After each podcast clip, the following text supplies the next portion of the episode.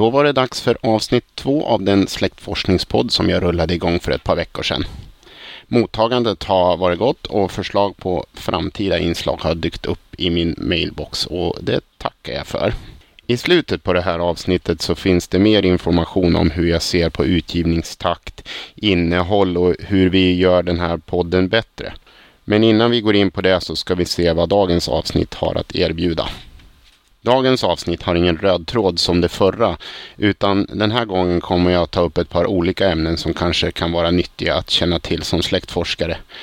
Först ut är ett inslag där jag berättar om ett källmaterial som kanske inte alla känner till. Det handlar om likpredikningar. Jag berättar lite om vad det är, var man kan finna dem och vad för slags information man kan hämta i dem. Sen så kommer jag att ge lite konkreta tips på hur man kan använda ortnamnsregistret och hur man gör lite olika smarta sökningar där. Utöver det så dyker det upp lite mindre inslag med lite tips och information. Men vi börjar med lite predikan.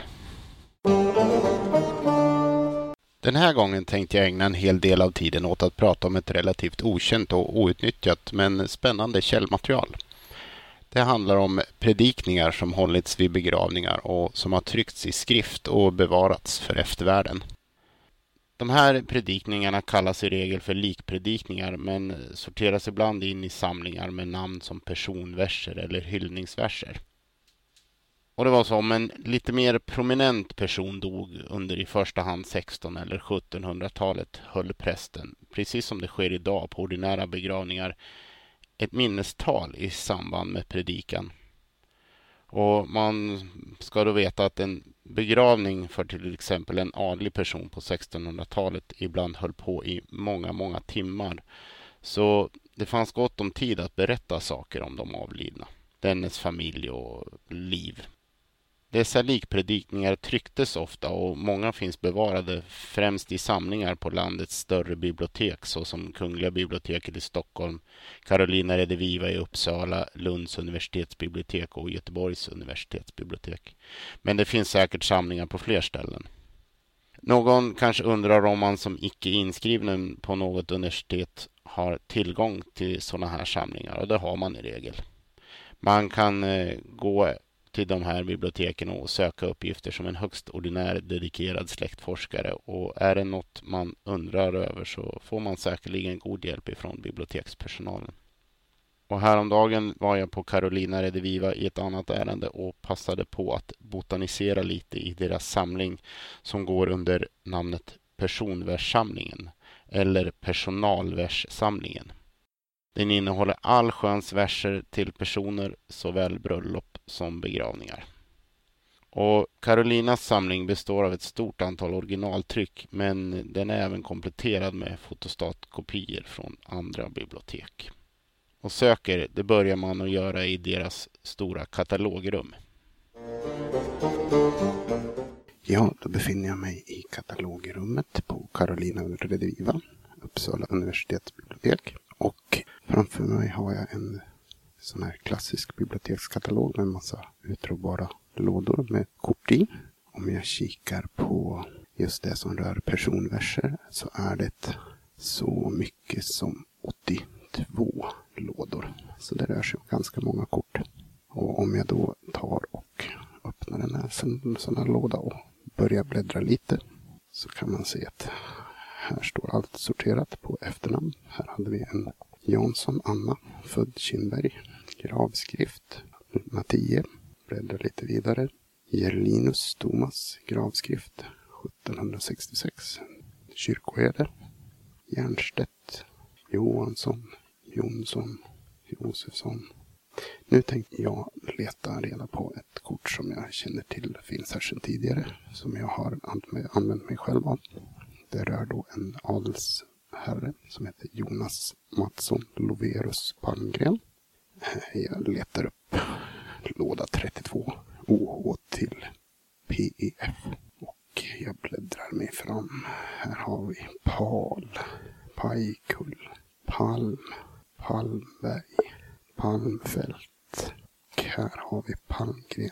Här har vi rätt Palmgren. Då hittar jag ett kort där det står Palmgren Jonas. Gravskrift över.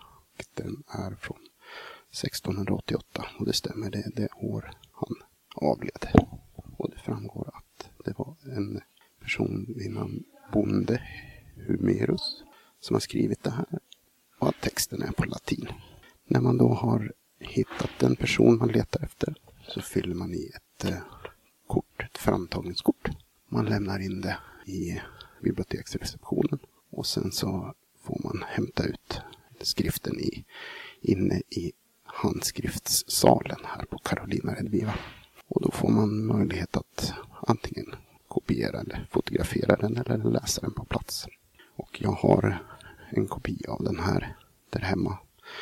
Och efter det här lilla inslaget så kommer jag berätta vad man kan få ut av denna lilla hyllningsvers. Då ska jag försöka redovisa ett exempel på vad man kan hitta för uppgift i en likpredikan. Mitt exempel är alltså en likpredikan över Jonas Mattsson Loverus som sedermera blev adlad Palmgren, adels 1605. Han föddes 1614 och dog då 1687 och ligger begravd i en kyrka här i närheten av där jag bor. Han gjorde karriär inom de administrativa kretsarna för att till slut bli krigsråd under Karl XI. Och den likpredikan som finns bevarad från hans begravning omfattar fyra sidor och är skriven på latin. Där kanske många börjar fundera på hur i all sin dag man ska lyckas förstå vad det står. Men faktum är att det går ganska bra att mata in texten i den översättningsfunktion som finns hos Google. Den som kallas Google Translate. Allt blir givetvis inte helt korrekt och jättebra översatt, men man förstår ändå tillräckligt mycket för att sammanhanget ska bli något sånär begripligt.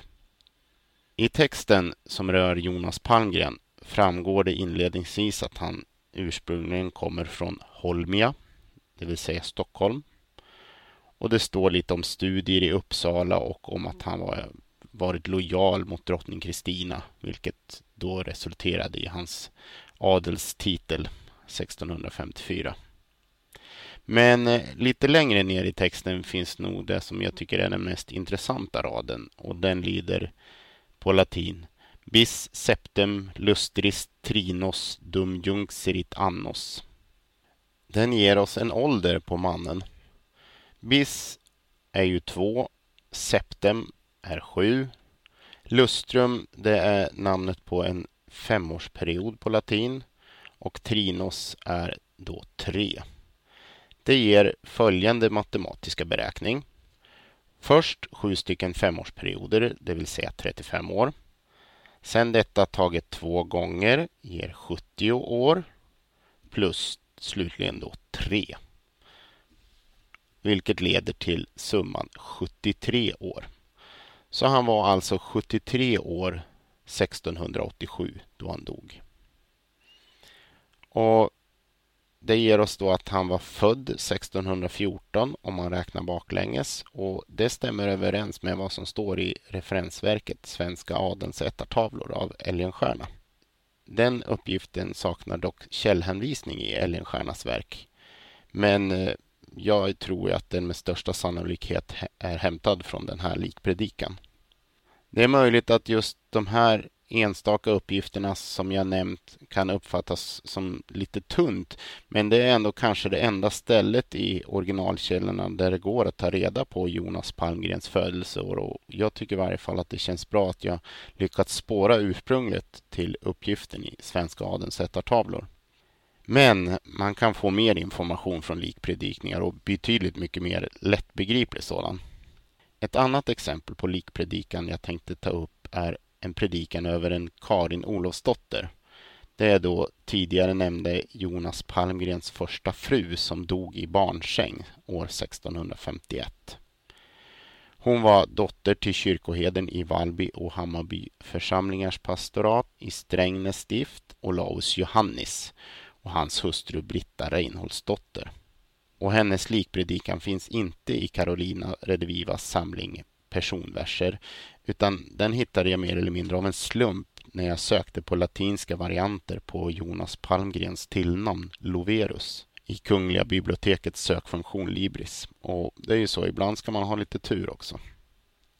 Utöver Karin så omfattar även den nämnda predikan det spädbarn som avled, avled i samband med förlossningen. Denna tryckta likpredikan är 30 sidor lång och på svenska och i den här texten så får vi ganska mycket information levererat. I texten nämns namnen på de fyra döttrar som paret har. Vi får fullständiga namn och dåvarande tjänstebeteckningar på maken Jonas Mattsson Loverus. Vi får veta att Karin jobbade en tid hos en grevinna Ebba Lejonhuvud. Vi får namn och titlar på moderns föräldrar. Vi får information om att paret förlorat ett gossebarn i späd ålder en gång tidigare. Och vi får dessutom en redogörelse för hur Karin insjuknar i någon slags feber en dryg vecka före nedkomsten. Vi får ett datum för födseln, men vi får också veta att hon blir svagare och svagare och tar nattvard tillsammans med sin make. Och sen får vi veta att hon fått flera kurer mot den sjukdom hon har, men att de inte hjälper och att hon slutligen avlider två dagar efter förlossningen och en dag efter att barnet, som han får namnet Olof, avlidit. Och det här är en väldigt sorglig händelse, men så här 365 år senare kan man fascineras av att den trots allt finns återgiven och man kan införliva uppgifterna i sin släktforskning. Hoppas att det här inslaget om likpredikningar har gett er så pass mycket kunskap att ni nu kan klara av att söka information i det här spännande källmaterialet på egen hand. Avslutningsvis så kan jag säga att när det gäller Carolina Redivimas omfattande kortregister till de här personverserna så är det ju väldigt synd att det inte har digitaliserats för det skulle ju ge ett så stort värde för oss släktforskare. Och redan för en fyra, fem år sedan när jag var på besök på Carolina så frågade jag deras första bibliotekarie om en sån här digitalisering var aktuell och fick då till svar att det var något som var prioriterat. Men eh, någonstans på vägen så har den här prioriteringen försvunnit. Om det handlar om pengar eller tid eller resurser, det vet inte jag. Men eh, någon digitalisering har inte skett. Men man kanske skulle ta och ställa frågan återigen till biblioteket och se hur landet ligger nu. Och det kanske man rent av skulle göra här i podden. Men det får bli i ett senare avsnitt. Nu tänkte jag sticka emellan med ett litet tips. Förra sommaren 2014 så gav Riksarkivet fri tillgång för skolor och bibliotek på sin digitala forskarsal Svar. Den är alltså gratis för skolor och bibliotek att använda. Jag själv eh, tog upp det här med min lokala bibliotekarie på det lilla bibliotek som finns här där jag bor. Jag gav han en eh, länk till webbsidan där informationen finns. Han eh, sa att han skulle skicka det vidare till de som bestämde och nu en eh, månad senare så har biblioteket tjänsten installerad på en dator. Praktiskt och billigt. Så har du ett bibliotek i närheten av där du bor och känner för att eh, försöka få till det här så tycker jag att eh, du tar kontakt med din lokala bibliotekarie och den information du kan visa den hittar du om du går in på riksarkivet.se. Sen eh, tittar du under menyn Handla och beställ. I nederkant på bilden så har du en länk till en webbutik och när man klickar där så får man upp ett antal produkter. Då klickar man under abonnemang. Då får man upp en massa information om olika abonnemang som är tillgängliga för svar. En bit ner så har vi en underrubrik som heter Skola bibliotek. Och där kan man klicka på en länk som heter Läs mer. Där finns all information om hur man ska göra en intresseanmälan. Och det här är ju ingenting som kostar biblioteket något om de redan har en dator. Så förhoppningsvis så har ni snart ett svarabonnemang på en dator nära er. En sak som jag ser som en återkommande punkt i den här podden är att jag tittar närmare på olika webbsidor som har med släktforskning att göra. Olika tjänster, olika databaser, olika personliga hemsidor. Det kan vara i stort sett vad som helst. Och det första jag tänkte titta närmare på det är ortnamnsregistret som finns på webbplatsen som tillhör Institutet för språk och folkminnen. Och ortnamnsregistret det är då en digitaliserad version av det topografiska registret i namnarkivet som finns i Uppsala. Och om man kikar på institutets hemsida så står det att det här registret består av 3,7 miljoner inskannade och registrerade arkivkort ordnade geografiskt efter län, härad och socken. Registret innehåller uppgifter om ortnamnets äldsta belägg och dess uttal. Vad har man då för glädje av det här registret när man släktforskar? Personligen använder jag ortnamnsregistret oftast när man sitter och läser i äldre kyrkoarkivalier. Och ett typfall är att man kan uttyda en del av ett förmodat ortsnamn. Man kan se att det slutar på berg eller torp eller något och möjligen kan man se vad det börjar på för bokstav men man får inte riktigt till det. Då tycker jag att ortnamnsregistret är riktigt nyttigt. Innan jag går in på hur man använder ortnamnsregistret i detalj så kanske man skulle Mm, säga några ord om själva uttrycket ort. För att är det någonting man snart lär sig när man börjar släktforska är att vi släktforskare använder uttrycket ort på ett annat sätt än vad kanske Svensson gör. För någon som inte släktforskar är ort oftast liktydigt med en tätort. Och som ni säkert vet, en ort för oss släktforskare kan ju vara betydligt mycket mindre än så. Det är väl snarare frågan om en geografisk plats som har fått ett namn vid något tillfälle. Men hur gör man då om man vill söka efter någonting i ortnamnsregistret? Ja, för det första så ska man ju hitta sökfunktionen och det gör man enklast genom att googla sig fram. Skriver man ortnamnsregistret så är det översta resultatet i träfflistan en länk till första sidan för databasen. På den här sidan kan man välja att antingen söka i hela ortnamnsregistret eller så kan man avgränsa sin sökning att omfatta ett av de län som finns listade. Och om man då klickar på en av de länkar som finns där så kommer man till själva sökfunktionen.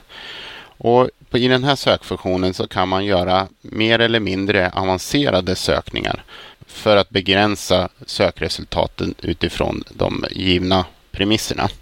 Till exempel så kan man specificera vilken socken eller härad det är man söker i. Om man nu känner till det så begränsar man det till ett mindre geografiskt område än det län det handlar om. Utöver det så kan man använda sig av det som på svenska kallas jokertecken eller som det heter på engelska wildcards. Det är då tecken som används för att beteckna ett eller flera okända tecken. Och eftersom det här är då en SQL-databas så har vi två tecken som är bra att kunna. Det är då procenttecknet som betyder vilket antal tecken som helst och understreck, underscore som det också kallas på engelska, vilket ersätter ett tecken. Och om jag ska försöka exemplifiera det här så kan vi ju göra en enkel sökning.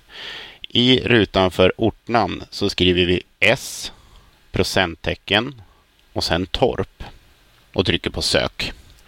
Då får vi en lista som innehåller alla ortsnamn som börjar på S och slutar på torp och med obestämt antal bokstäver däremellan.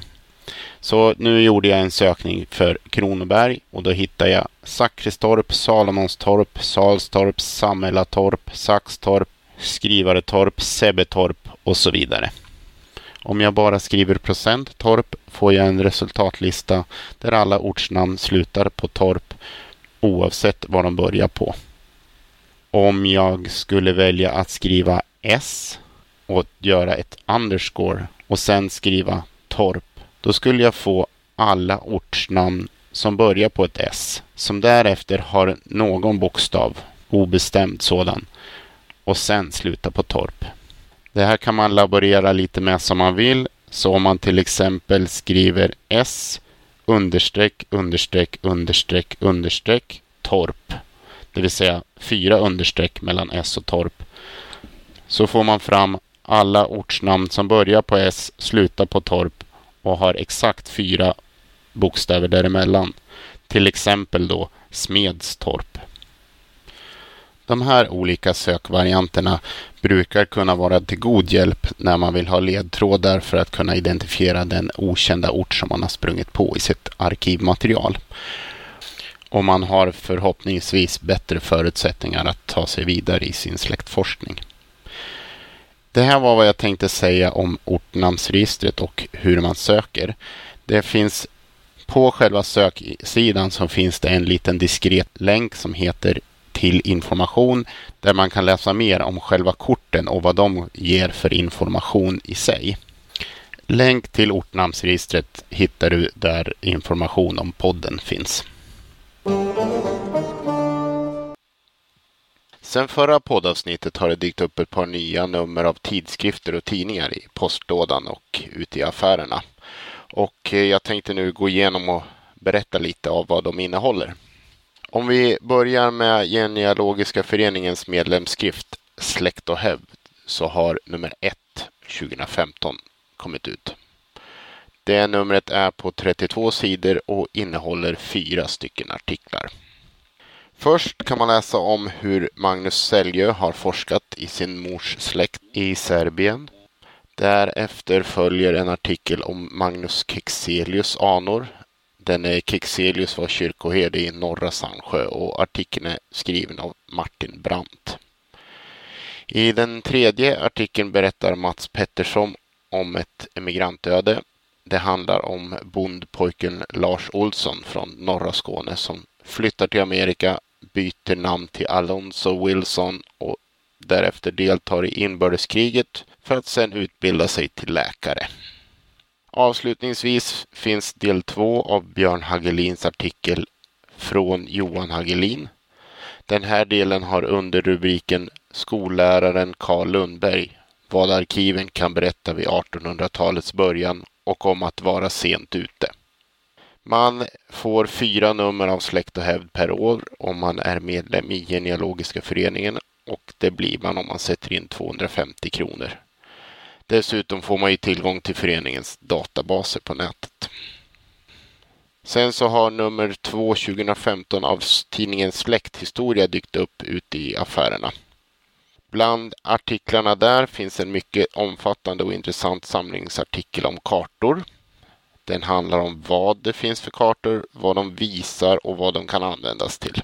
Sen får man även lite instruktioner om hur man hittar kartor på nätet. I tidningen finns även en intervju med släktforskningsveteranen och författaren Bo Lindvall. Även denna tidning innehåller ett emigrantöde. Här får man veta mer om en bohuslänning vid namn Harry McFy, som vid tiden kring förra sekelskiftet drog iväg till Kanada och Alaska och levde ett liv som guldgrävare och trapper. Han vände hem till Bohuslän igen efter en handfull år och blev en förgrundsfigur inom tillverkningen av kanoter och senare även författare till ett antal äventyrsböcker baserade på hans vistelse i Nordamerika. I numrets återkommande artikelserie Antavlan, där en kändis presenteras, är det Allan Edwall som är på tapeten. Det finns ett par artiklar om pesten och om rallare. Därtill en kort introduktion till inrikespass, vilket var de passhandlingar som krävdes för att resa runt i Sverige förr. Det är Hans Hanner som ansvarar för Genealogiska föreningens digitaliseringsprojekt av nämnda handlingar som skrivit artikeln. Avslutningsvis kommer en artikel som behandlar ett ämne som de flesta släktforskare drabbas av någon gång under deras letande. I del 8 av tidningens artikelserie Släktforskarskolan så får man lära sig att hitta rätt i Stockholm. Något som inte alltid upplevs som enkelt. Jag kan även passa på att nämna att så här i tiderna kring den internationella kvinnodagen så har Allt om historia lanserat en ny personhistorisk tidning med fokus på kvinnor. Den heter kort och gott Historiskan. Det var det som fanns att redovisa på detta ämne för den här gången och på sikt så har jag en förhoppning om att kunna engagera några av er lyssnare till att stå för lite recensioner av publikationer som kommer ut. Är du intresserad av att medverka till något sånt är du välkommen att höra av dig. Kontaktuppgifterna finns på www.cognatus.se. Det här var vad jag hade att bjuda på för den här gången. Som jag nämnt tidigare tar jag gärna emot förslag på vad ni som lyssnare tycker ska avhandlas framöver och jag tycker inte ni ska dra er för att medverka själva. Har du något intressant du vill ta upp så kan du, efter att ha stämt av med mig, spela in det på egen hand och sen skicka det till mig. Eller så kan vi göra gemensam sak och spela in något över Skype där du givetvis får möjlighet att granska och påverka slutresultatet. Jag tror det skulle vara inslag som lyssnarkretsen skulle uppskatta. Jag strävar inte efter att uppnå någon superkvalitet när det gäller inläsning och ljud. Det är innehållet som ska vara tilltalande. Och blir det något hackigt klipp eller lite burkigt ljud i ett inslag så är det inget jag bryr mig jättemycket om. Sen vill jag återigen påtala mitt intresse av att få igång lite recensions och informationsverksamhet när det gäller publikationer. Och det här gäller allt som har med släktforskning att göra. Har getts ut en ny bok? Ger er förening ut någon form av skrift? Har ni sammanställt en CD-skiva? Skicka ett recensionsex till mig så tar jag upp det i ett kommande avsnitt. Kontaktuppgifter finns som vanligt på www.cognatus.se. Jag ser också gärna att information om poddens existens sprids vidare i lämpliga sammanhang. Jag själv informerar via vissa Facebookgrupper samt eh, min egen Cognatus Facebook-sida. Men det finns säkert fler forum där budskapet kan spridas, så hjälp gärna till. Podden finns nu även tillgänglig på iTunes med möjlighet till prenumeration och nedladdning. Och då får du söka på Cognatus eller släktforskning till exempel. Gillar du det du hör så uppskattar jag givetvis en recension på iTunes. Om ni som lyssnar undrar hur ofta jag avser att släppa nya avsnitt så har jag inte riktigt något bra svar på det. Det handlar mycket om vad för slags material jag kan få fram och vilken tid jag har till förfogande. Det kan mycket väl bli så att det vid vissa tillfällen kan röra sig om enbart dagar mellan avsnitt, men andra gånger många veckor. Jag vill inte stressa fram något som upplevs som ogenomtänkt och slarvigt, men å andra sidan kan jag inte sitta och fila på saker och ting allt för länge, för då blir det svårt att åstadkomma något vettigt när det gäller de inslag som kan ses lite som färskvara. Sen hoppas jag att jag själv med tiden blir mer förfinad i själva framställningsprocessen och därigenom kan få bättre fart på produktionen. Nu säger jag tack och adjö för den här gången och vi hörs igen i avsnitt nummer tre.